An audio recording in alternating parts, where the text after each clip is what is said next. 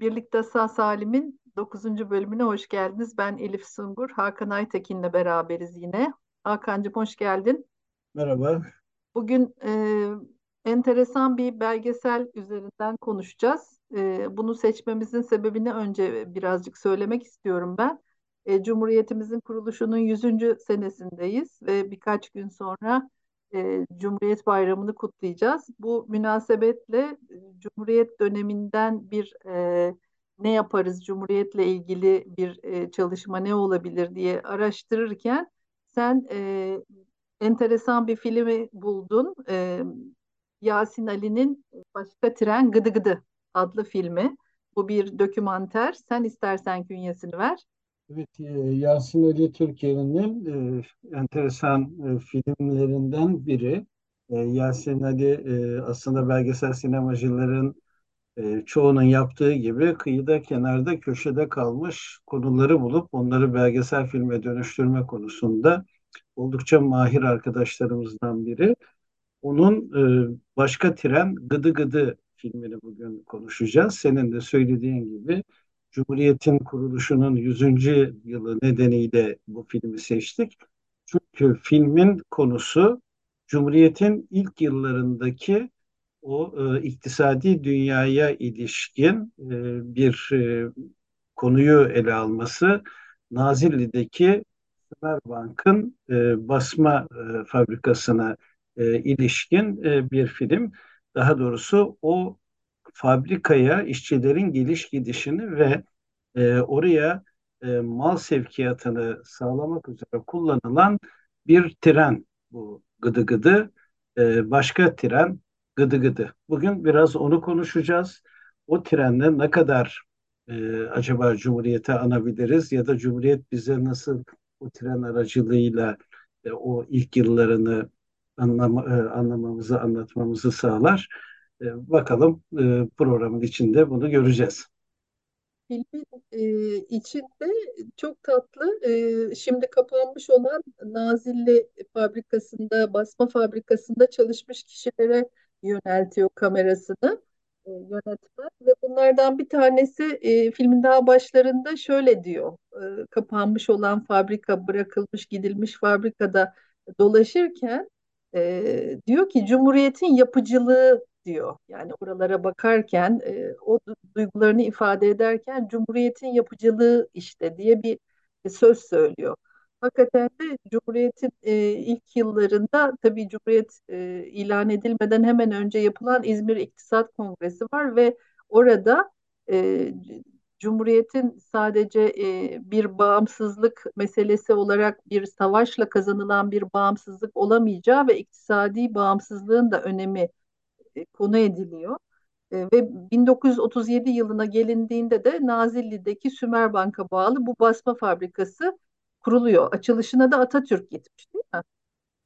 Evet. E, fabrikanın e, tabii ki o Cumhuriyet'in ilk yıllarındaki o, o iktisadi bakışın bir ürünü olduğunu görüyoruz. Çünkü devlet eliyle kurulan, devlet tarafından e, sübvanse edilen ve bütün üretim prosesini devletin e, belirlediği, takip ettiği, dolayısıyla ürünün satışına kadar da devletin kurumlarının var olduğu bir üretim modeli. Çünkü sıfırdan neredeyse kurulmuş bir ülke, e, iktisadi hayat son derece e, zayıf ve devletin eliyle bu tür fabrikaların yapılması gerekiyor. O zamana kadar Cumhuriyet'in e, o yıllarına dönüp baktığımızda temel e, iktisadi alan tarım, tarım ve hayvancılık.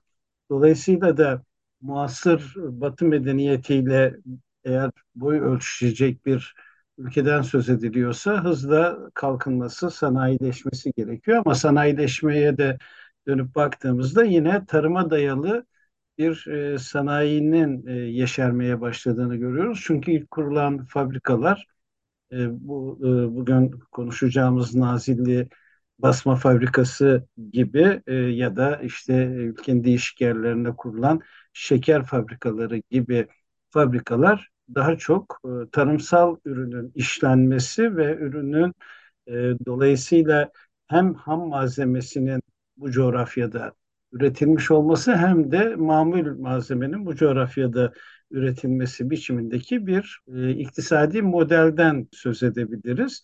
Tabii ki o yıllara dönüp baktığımızda bu film bize ilginç veriler e, sunuyor. En önemli e, noktalardan biri Türkiye Cumhuriyeti oldukça yoksul. Kaynakları son derece ekonomik anlamda sınırlı, para sınırlı. Bu fabrikalar nasıl kurulacak? Bu fabrikaların kurulmasında özellikle bu Nazilli ve Kayseri'deki fabrika Sovyetlerden gelen sermaye ve know-how'la e, mümkün olabiliyor. Bu e, açıdan ilginç e, de bir örnek. Çünkü Sovyetler Birliği ile ulusal mücadele sırasında başlayan Cumhuriyet kadrolarının ilişkisi Cumhuriyet'in ilanından sonra da devam ediyor ve Sovyetler Birliği'nden gelen hem uzmanların hem de oradan gelen parasal kaynağın ortaya çıkardığı bir fabrika. Ee, sadece şeyle de sınırlı kalınmıyor. Bu fabrikanın kurulmasıyla da sınırlı kalınmıyor. Fabrikanın işletilmesinde de yine Sovyet uzmanlarına ihtiyaç duyuluyor.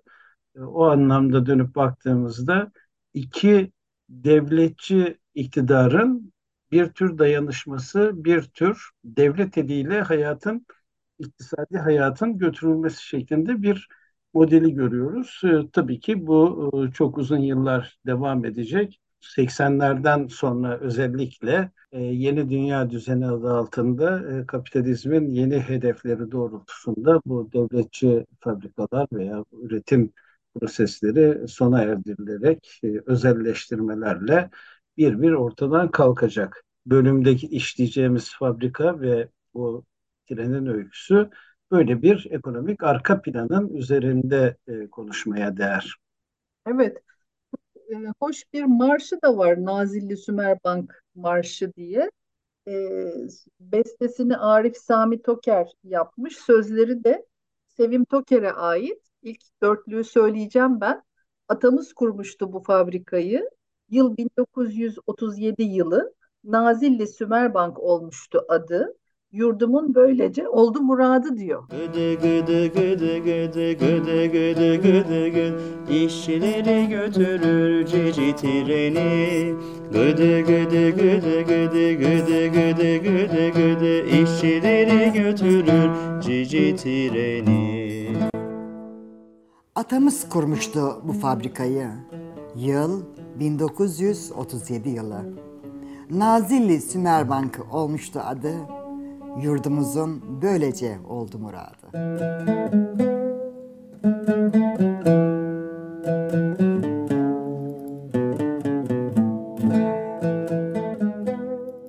Devletçilik e, ilkesi gereği e, bir sürü fabrika açılıyor.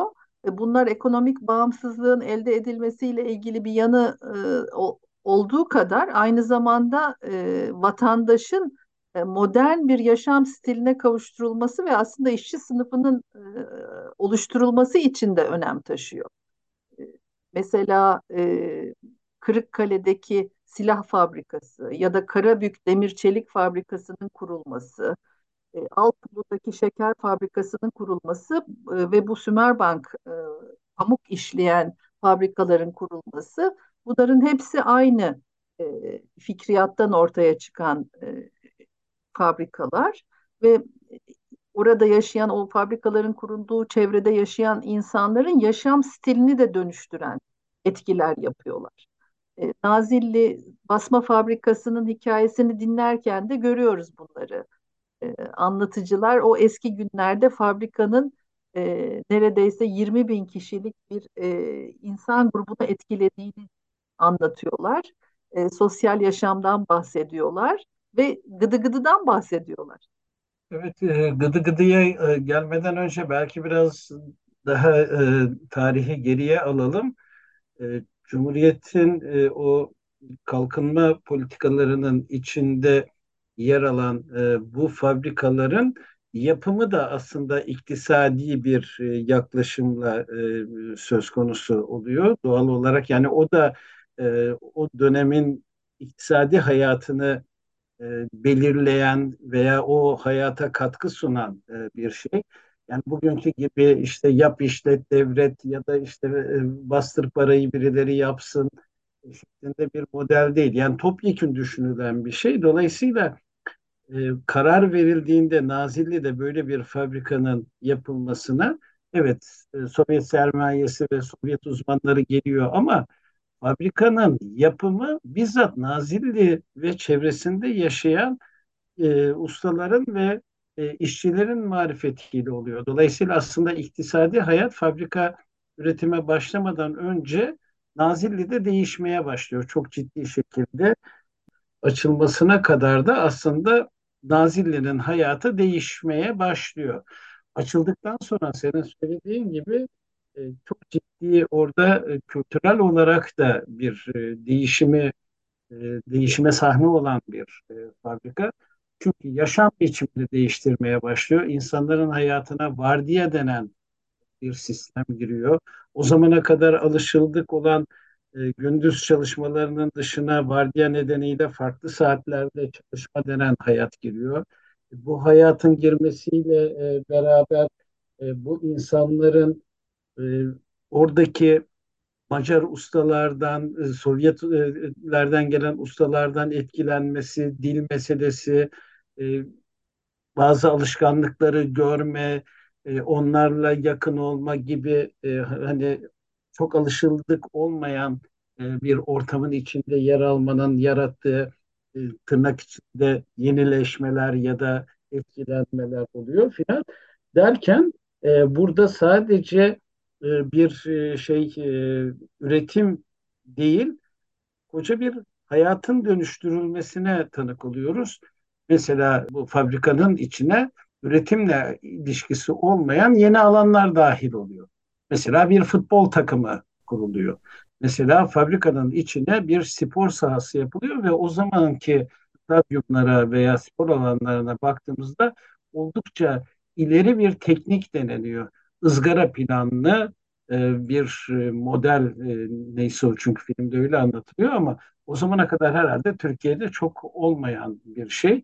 Böyle bir takım kuruluyor, futbol takımı kuruluyor. Aynı şekilde müzik faaliyetleri, aynı şekilde sinema faaliyetleri çünkü fabrika alanının içinde kocaman bir sinema salonu inşa ediliyor ve e, anlatanların e, ifadeleriyle cumartesiyi e, iple e, çeken bir işçi sınıfı söz konusu. Cumartesi oldu mu özellikle kadın izleyicilere e, rastlıyoruz.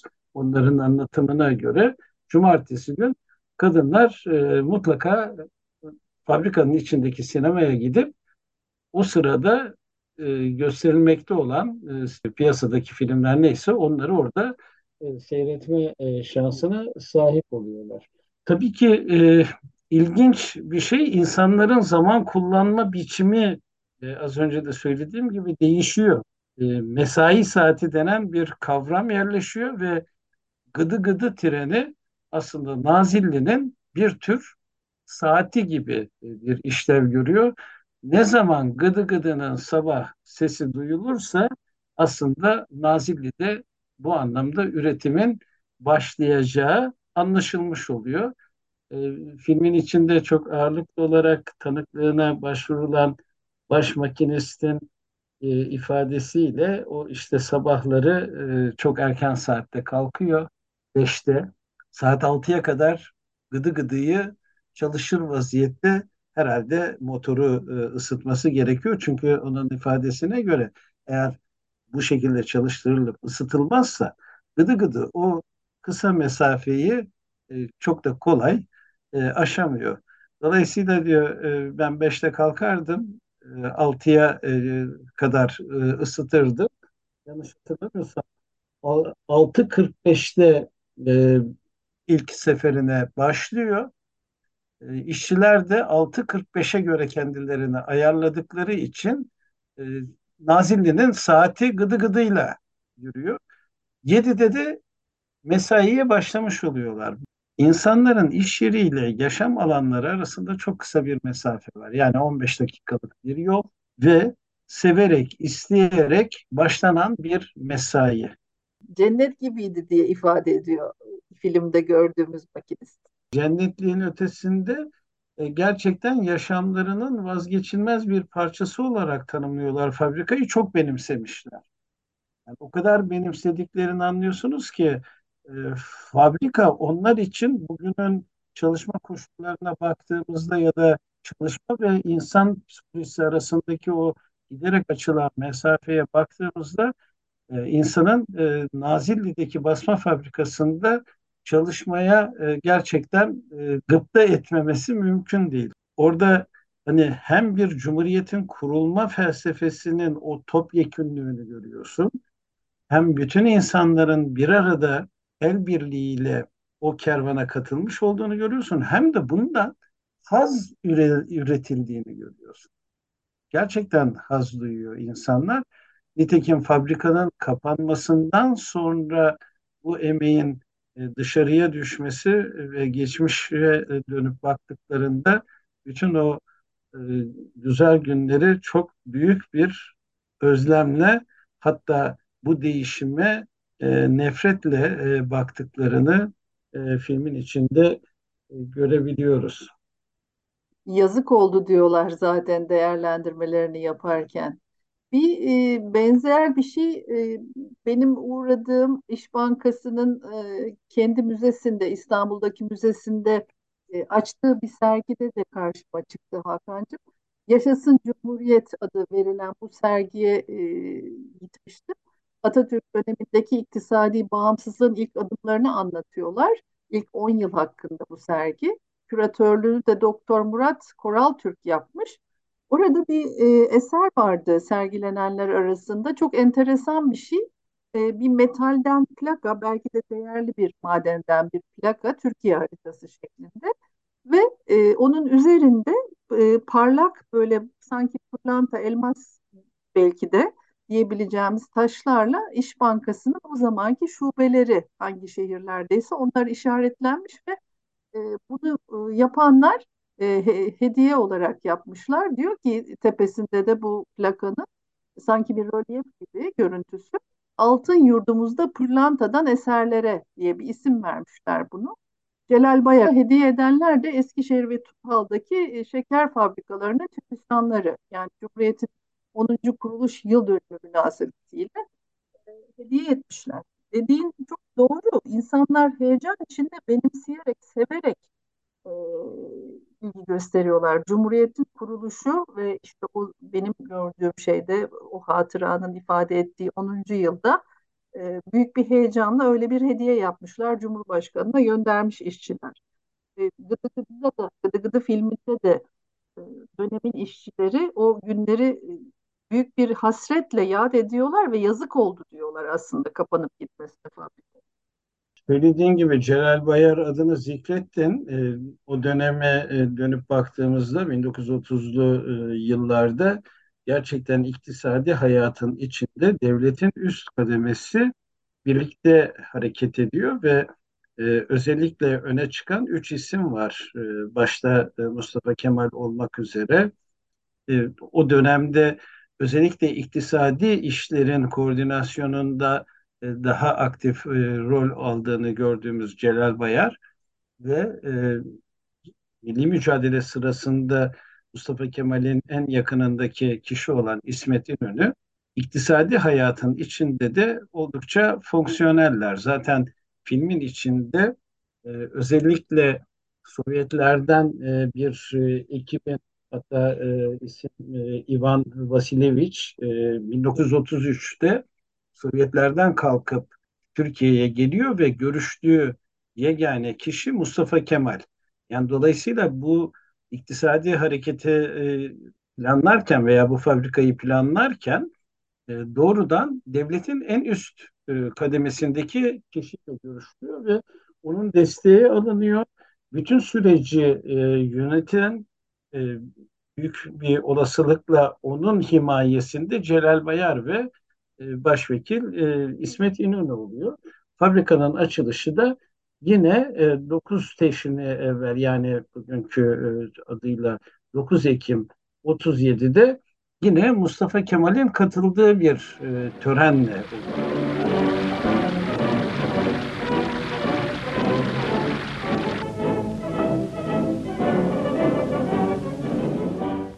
Cumhuriyetin Nazilli'ye hediye ettiği basma fabrikasının açılma törenine yüce huzurları ile şeref verdiklerinden dolayı Ulu Önderimize Nazilli halkının minnet ve şükranlarını arz etmeme yüksek müsaadenizi dilerim.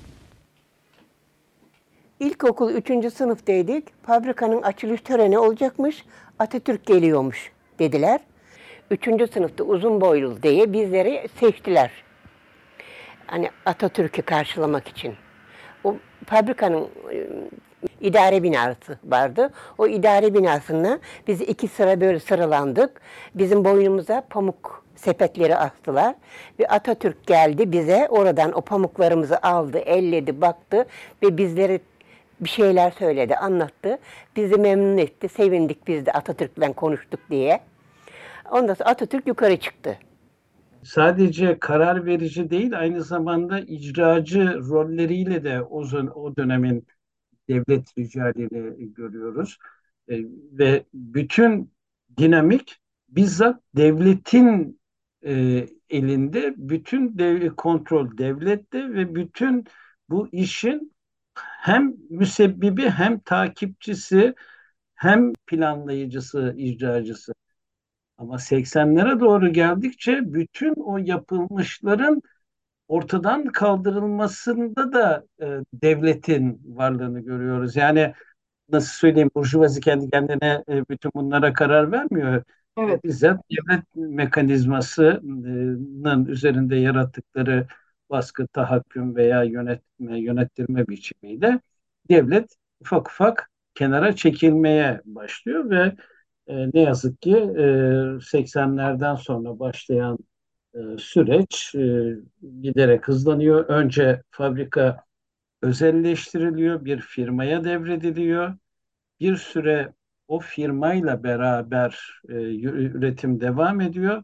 Ancak e, o e, belli ki istenen bir e, şekilde planlanan bir şey değil veya bir geçiş için başvurulan bir yöntem. Daha sonra o firma da e, dışarıya e, bırakılıyor ve bir tür fabrika ölüme terk ediliyor. Daha sonra da e, o mekan olduğu gibi üniversiteye devrediliyor ve boşaltılıyor.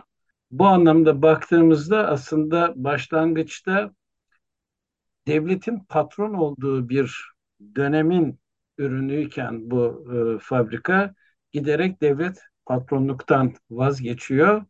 Yerine e, sermayenin patronlarına bırakıyor. Bugün e, geriye e, dönüp baktığımızda e, boş bir mekan ya da işte üniversiteye devredilmiş kimi kısımları restore edilmiş bir mekan ve ölüme terk edilmiş bir gıdı gıdı var. Aslında biz biraz gıdı gıdıyı daha çok konuşsak belki insani yanı daha çok öne çıkacak filmin. Gıdı Gıdı'nın adı da ilginç. E, niye Gıdı Gıdı? Bunun ismi Gıdı Gıdı olarak şöyle kalıyor. Bu küçük evele gelmiş Atatürk getirmiş bunu. Ee, bu sonradan gelmiş. Küçük olunca üç tane vagon anladın mı? Halkta e, işçiler biniyor. İleri gidince yokuşa sarıyor. Yokuşa sarınca sesi gıdı gıdık gıdı gıdık gıdı gıdık en bir daha bin. Böyle ağır giderdi çünkü gücü kuvveti azıdı. O bakımdan adını gıdı gıdı konmuş sesinin üzerinden. Genel müdürlükte Ankara'da bile gıdı gıdı makine geçer buranın ismi. Evet, yörenin dilin dili ve e, o kendine özgü Ege e, Ege dillerin e, o söylemleri, e, vurguları çok tatlı gerçekten de. Lokomotif, e, lokomotif küçücük bir lokomotif aslında ama e, vagonları çekiyormuş. E, işçileri taşıdığı gibi işçi ailelerini de taşıyor. E, anneannemlere bu trenle giderdik diyen bir şey vardı mesela belgeseldeki görüşüne başvurulan kişilerden bir hanım anneannesiyle çocukken yaptıkları ziyaretlere gitmek için de treni kullandıklarını söylüyor. Yani sosyal bir şeyi de var, yönü de var. Trene isteyenler biniyormuş. Ücretsiz bir tren zaten. Demek ki o gittiği rotada e, bir işi gücü olan da biniyormuş işçiler dışında zannediyorum ki. ve sonradan e, Gıdı Gıdı'yı tekrar e, renovasyonunu yapıp çalışır hale e, getiriyorlar. Bir törenle beraber Nazilli'nin içindeki rayla, raylarda, ray sisteminde. Benim e, içim de burkuldu doğrusu o Gıdı Gıdı'nın tekrar e, çalıştırıldığı ve o Nazilli'nin içinden e, tren raylarından gidiş gelişi e, sırasında böyle bir e, garip bir hissiyat geldi filmi seyrederken aslında olmayan, e, ortadan kalkmış olan o çok büyük bir organizasyonu temsil ediyor. E, o nedenle biraz iç burkucu geldi bana o sahne. Evet, e, aslında e, iş biraz e, magazinleşmiş anlaşılan. Çünkü oradaki insanların çok büyük bir kısmı fabrikada sadece çalışması gerekmiyor. Çalışanların yakınları, çalışanların alışveriş yaptığı, gündelik hayatın içindeki bütün o ticaret dünyası bu tren ve bu fabrikadan doğrudan etkilenenler. Şimdi siz orayı özelleştirip daha sonra da atıl hale getirip işlevsiz kılıyorsunuz ama insanların zihninde son derece berrak, oldukça hareketli bir dünya söz konusu. Sonra o insanların giderek işsizleşmesi, giderek oradaki iktisadi hayatın da e, gerilemesi e, o insanları daha çok fabrikayı ve o dünyayı düşünmeye sevk ediyor. Benim çocukluğumda 68. vilayetten söz edilirdi. 67 ile 68. vilayet olarak hep Nazilli'den söz edilirdi. Yani bu söylediğim benim 60'lı 70'li yıllar. Demek ki o kadar büyük bir e, iktisadi hayat vardı, öne çıkan bir üretim vardı, genişleyen bir nüfus vardı. Ona bağlı olarak hayatın pek çok alanı etkilenmişti ki biz 68. il olarak oranın ilan edilmesini beklerdik. Ama sonra tabii ki o atalet fabrika gibi gıdı gıdının da bir kenarda e, unutulmasına e, yol açıyor. Bu, bu arada e, Yasin Ali'yi gerçekten e, kutlamak istiyorum. Film bize sadece bir iktisat dünyasını değil, iktisat dünyasıyla insanların gündelik dünyasının nasıl iç içe geçtiğini ve hem o sırada hem de bugün dönüp geçmişe doğru baktığımızda nasıl bir duygu dünyasını kaybetmekte olduğumuzu gösterme konusunda Yasin gerçekten e, filmini e, incelikli biçimde işlemiş. Çünkü makinistle filmin böyle hemen hemen ortasından sonraki kısımda e, beraber geziyoruz. Yasin'in kamerasıyla beraber biz o makinistle o terk edilmişliği görüyoruz ve hiçbir sözün anlatamayacağı kadar e, makinistin beden dilinden, gözlerinden, o bakışından aslında nelerin kaybedildiğini gerçekten e, çok ciddi şekilde görüyoruz ve e, sonunda zaten e, oldukça uzun böyle bir e, sessiz geçen e, makinist amcamızın e, tepkileriyle e, geçen sekansın sonunda şöyle söylüyor. Kendi sesinden dinleyelim. Devletin oyuna Atatürk'ün kurduğu düzen çürüyor. Olmadı. Olmadı böyle şey. Olmadı. Olmadı. Olmadı. Tekrar ediyorum belki iyi anlaşılmamış olabilir. Devletin malı Atatürk'ün kurduğu düzen çürüyor diye nitelendiriyor ve olmadı. Böyle böyle şey olmadı. Olmadı. Olmadı diye e, gerçekten çok hüzünlü bir biçimde o terk edilen e, gıdı gıdının e, vagonlarının e, içindeki o aslında sadece bir tren olmadığını, Cumhuriyet döneminin iktisadi modelinin terk edilmişliğini ciddi şekilde e, yüzümüze vuruyordu. Evet, Filmde başka neler? e, filmde tabii e, farklı görevler yapan insanları da kamera yönelmiş. Mesela e, desenleri çizen e, bir hanımı, basmaların desenlerinin çizildiği atölyede çalışan e, bir hanıma kamera yöneltiliyor. O saklamış desenleri çok güzel gerçekten rengarenk desenler çizmişler. Ee, sonra bir başka yine fabrikada çalışan çalışmış olan bir kişi o da e, hem Nazilli Spor'un e, hem de Sümerbank Nazilli Spor'un hatıralarını saklamış formalar, rozetler, e, Sümerbank basmalarından çeşit çeşit sakladığı şeyler var. Bir de Gıdı Gıdı diye bir tane de e, şey yapıyorlarmış. E, bülten. Kurum içi yayın aslında. E, ve e, mizahi bir şey. Yılda bir kez. Evet, Yılda bir kez çıkarıyorlarmış ve Aynen. e, mizahı kullanarak. Evet, mizah yani yöneticilerle biraz dalga geçen, tiye alan olup bitenleri böyle karikatürlerle falan hazırlanmış bir şey. Bir e, çalışma. Onun kopyasını da gösteriyor e, bu koleksiyonu yapan.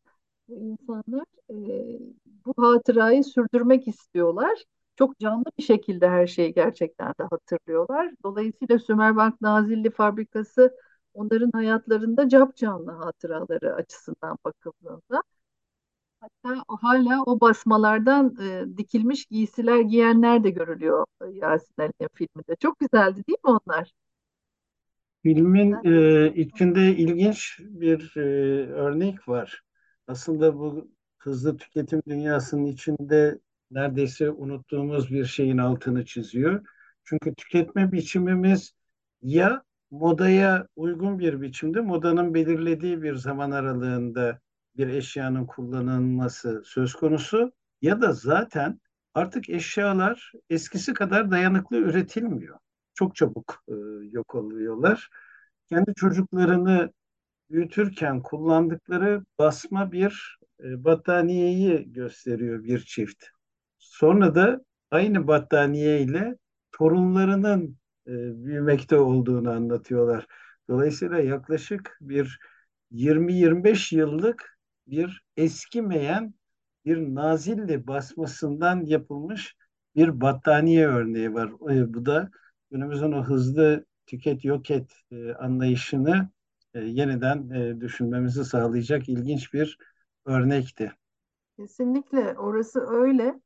Çok e, sağlam şeyler hazırladıkları belli. Benim de vardı çocukken birçok Sümerbank basmasından elbiselerim evde dikiş dikiliyor elbette. E, aslında bu dikiş dikme meselesi de ilginç. Cumhuriyet bir e, modernleşme projesi ve insanların giysilerinin de değişmesi isteniyor. Dolayısıyla bu anlamda da önemli Sümerbank e, üretimleri muhtemelen. E, o açıdan da dikiş makinesinin de yardımıyla bir sürü evde e, insanlara giysi oluyor bunlar. Bir sürü güzel örneklerini filmde görüyoruz.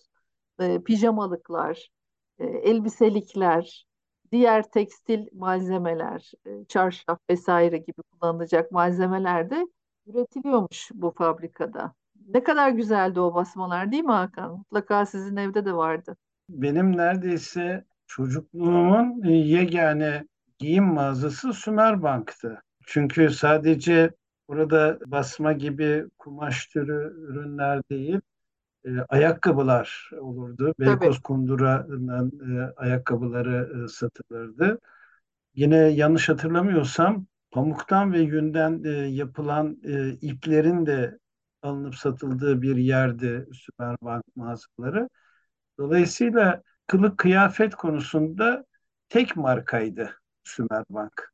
Gerçekten markaydı. Yani sadece ürün olarak değil, Sümerbank'tan gidip almak, Sümerbank'tan giyinmek gibi bir e, devlet markasıyla e, büyümüştük. E, biz de 60'lı 70'li yılları yaşayan e, insanlar e, olarak. Sen şimdi Beykoz Kundura'dan bahsedince Sümerbank'ta satılırdı ayakkabılar, yaptıkları ayakkabılar deyince Beykoz Kundura'nın e, şimdiki işlevi bir kültür sanat mekanına dönüştü orası. Dolayısıyla e, üretim sırasında değil ama e, fabrika yapılarını değiştirmedikleri için şimdi bir kültür sanat mekanı iken ziyaret etmek mümkün oluyor e, bir hafıza mekanı da hazırlamışlar. O, o ayakkabı fabrikası olarak çalıştığı yıllardan hatıraları da sergiledikleri bir bölüm var Beykoz Kundura'da. Süperbank'ın Gıdı Gıdı filminde konu edilen Nazilli fabrikası benim görme şansım olmadı ama o dönemin tabii aslında Beykoz Kundura Fabrikası Osmanlı döneminde açılmış bir fabrika ama Cumhuriyet dönemine ilişkin çok fazla done var. Bir e, modern fabrika düzeninin nasıl olduğuna ilişkin. Mesela benim aklıma gelenler kreş olması, e, ibadethanelerin olması, yine toplu yapılan sünnet törenleri, sünnet düğünleri yapıyorlar çalışmaları çocukları için. Böyle bu tip hatıralar da e, Beykoz Kundura'nın e, hafıza e, ile ilgili sergisinde gördüm. E, muhtemelen e, o dönemin e, bütün fabrikalarında bir e, o zaman o modernizm ve o işçi sınıfının aslında ihtiyaç duyduğu tüm e, yaşam stilini oluşturan tüm aktiviteler ya da e, yapması icap eden aslında işçi sınıfının yapması icap eden ya da ihtiyaç duyduğu bütün hizmetler o fabrika e, çatısı altında sunuluyor ya da fabrikanın organizasyonu içinde sunuluyor. Şimdi içinde yaşadığımız dönem bir başka modern dönem. Modern sonrası bir dönemde yaşıyoruz. Postmodern ve şimdi de mesela bu dönemi e, betimleyen en önemli şeylerden birisi esneklik. Ee, yani iş güvencesinin olmayışı, iş yerinin bile olmayışı. İşte bu uzaktan çalışma vesaire gibi çağrılı e, çağrıldığı zaman çalışma gibi konular devrede çok büyük oranda. E, ama bir önceki dönemde insanlar fabrikanın etrafındaki kentlerde yaşıyorlar ve fabrikanın organizasyonlarıyla sosyal ihtiyaçlarını veya birey olarak psikolojik ihtiyaçlarını aslında o fabrika aracılığıyla gideriyorlar. Her ne kadar kapitalist düzende işte fabrikanın temelinde e, az bir ücretle çok belirli zamanlarda çalışmanın oldukça da uzun saatler çalışmanın karşılığı olarak ücret verilse de insanların sosyal ihtiyaçları, bireysel ihtiyaçları işçileştirmek için, işçi sınıfını doğurmak için çok ciddi şekilde kullanılmış. Türkiye Cumhuriyeti açısından ilginç olan şu ki Türkiye'de fabrikalar büyük oranda devlet eliyle kurulduğu gibi aynı Gıdıgıdı'daki Nazilli Sümerbank basma fabrikası gibi e, aslında tam sadece kar etmek için değil bu fabrikalar, yaşamı dönüştürmek için lazım olan ürünlerin e, topluma sunulması da var burada. Bir ticari kar elde etmek ve ekonomik büyüme dolayısıyla sermaye birikimini sağlamak da var ama e, yaşamı dönüştürmeyle ilgili modern Türk insanı, vatandaşı aslında e, nasıl görmek istiyorsa Cumhuriyet ideali onun için de büyük fonksiyon sahibi fabrikalar, değil mi? Tabii zaten e, az önce de söylediğimiz gibi fabrikanın içinde üretimle ilgisi olmayan e, senin bu dediğin duyguyu ya da davranış biçimini geliştiren, bunun görünür kılınmasını sağlayan bir sürü eklentiler var. İşte spor bunun bir parçası, ibadet bunun bir parçası, kültür sanat etkinlikleri bunun bir parçası. Dolayısıyla orada bir topyekün hayatın geçtiğini görüyoruz. Yani sadece üretim değil, gerçekten Cumhuriyet kadrolarının belki de en başarılı olduğu nokta bu. Hayatı topyekün olarak oralara taşımak ya da oralarda o hayatı yeşertmek için e, gerçekten çaba sarf edilmiş.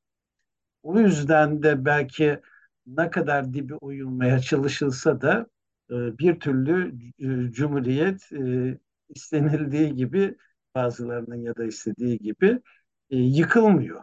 Yani bir şekilde o hayat oralarda yerleşmiş. Yani en azından şu son iki kuşak Nazilli örneğinden hareketle neyin üretim, neyin tüketim, neyin yaşam, neyin de değişim, neyin dönüşüm olduğunu gerçekten çok iyi e, deneyimlemiş e, vaziyetteler. O anlamda dönüp baktığımda filmin içinde aslında ilginç bazı tabelalar vardı. Dikkatini çekmiş miydi? Evet. Dedikle evet. E, günümüzde çok moda olan böyle iş yerlerinde asılan ve çoğu zaman e, aslında hiçbir fonksiyonu olmayan ikaz tabelaları o dönemde nasıl e, işlevsel oluyormuş? Mesela bir tanesi bana çok çekici geldi. Muhtemelen senin de dikkatini e, çekmişti. Kalite işçiliğimizin simgesidir diyen bir tabela vardı. Böyle durdum e, ve baktım ona. Yani kalite işçilik ve onun e, simgesi e, olma hali.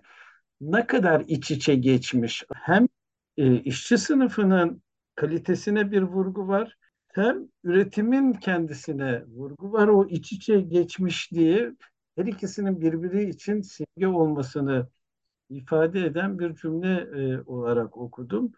Ve o terk edilmiş fabrikanın içinde belki de o tabelayı görmek, sadece o tabelanın olduğu bir köşeyi Beykoz Kundura'da işaret ettiğin gibi bir hafıza mekanına dönüştürmek aslında çok şeyi anlatabilir.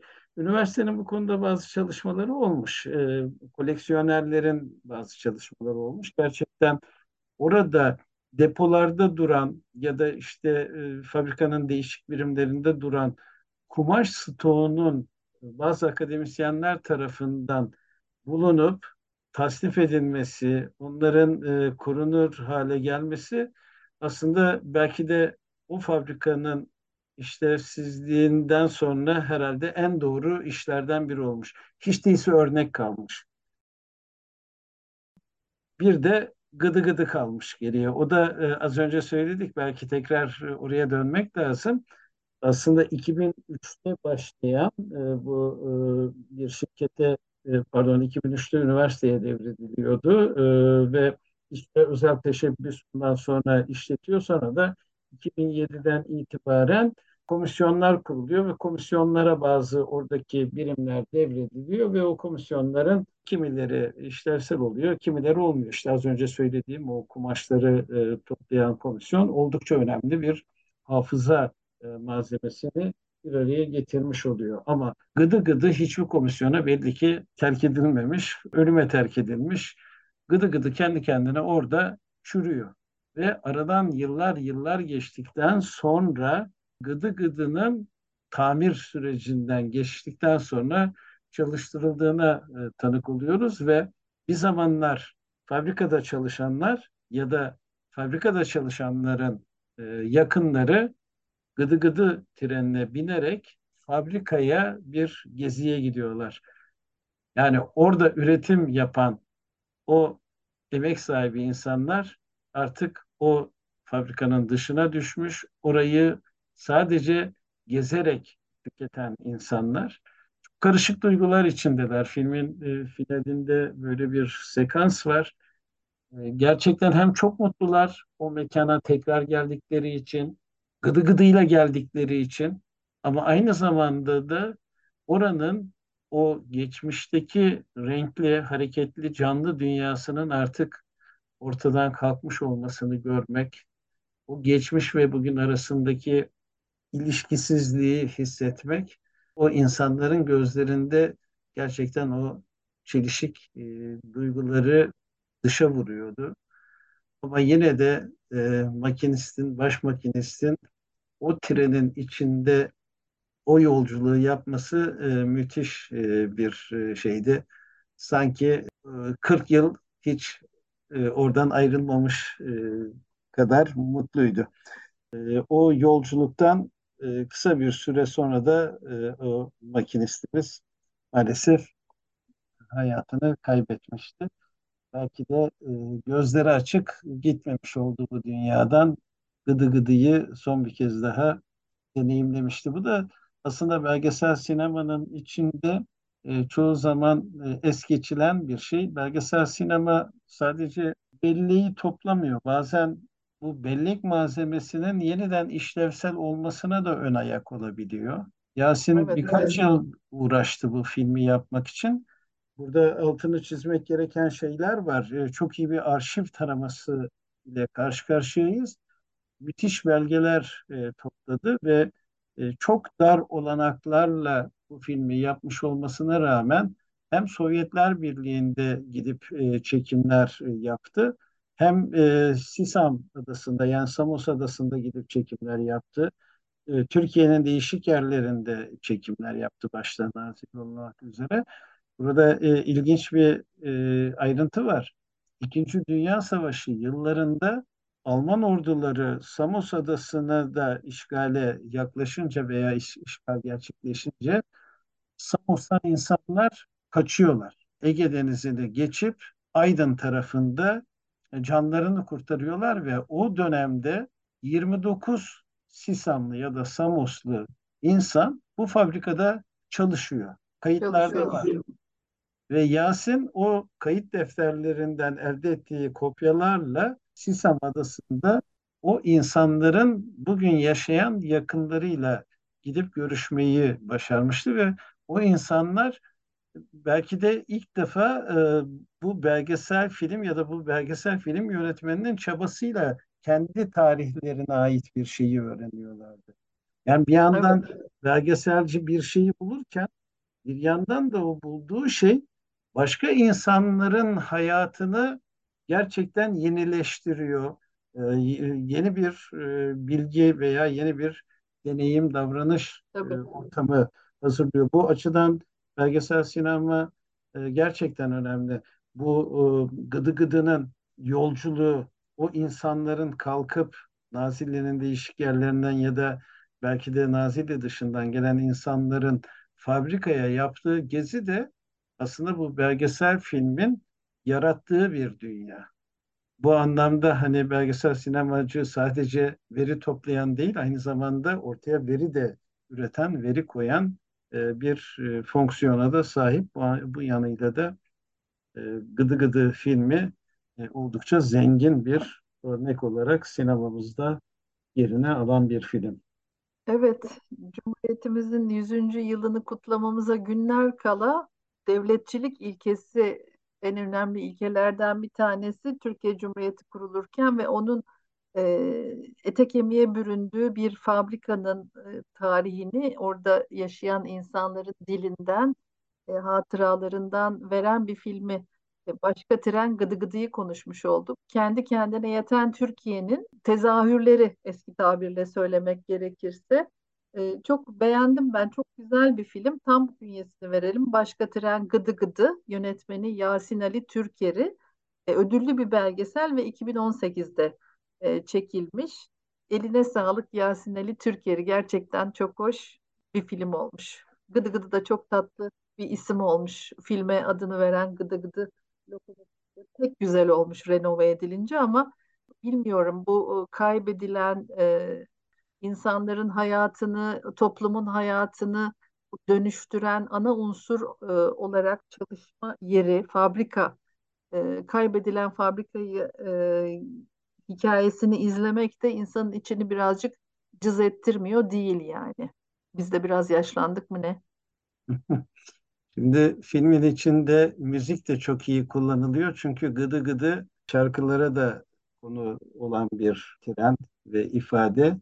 E, filmi e, izleme fırsatı bulacak izleyiciler için o e, müzikli anlar e, gerçekten başka bir e, haz veriyor insana ve filmin finalinde karşımıza çıkan başka bir müzik de insanı yorum yapamaz hale getiriyor. Bu restore edilmiş ve tekrar çalışır hale gelmiş Gıdı Gıdı'nın Nazilli'nin merkezinden fabrikaya doğru e, gidiş yolculuğu bir başka müzikle sonlanıyor.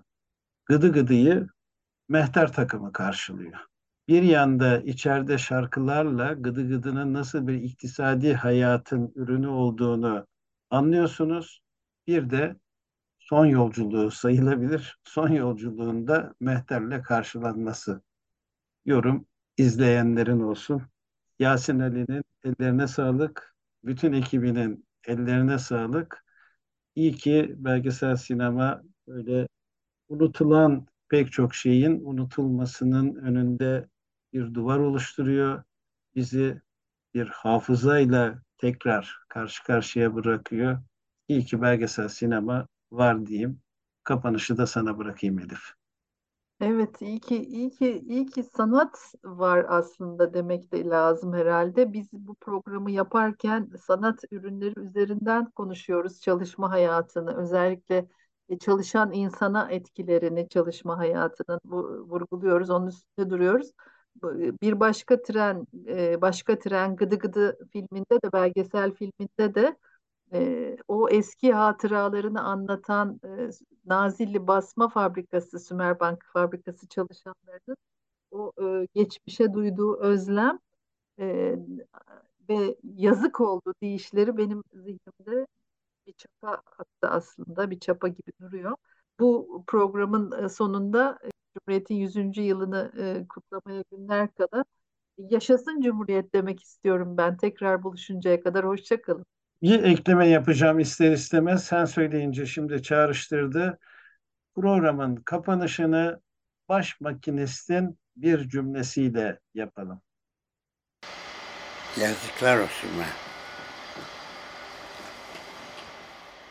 Bizi dinlediğiniz için teşekkür ediyoruz.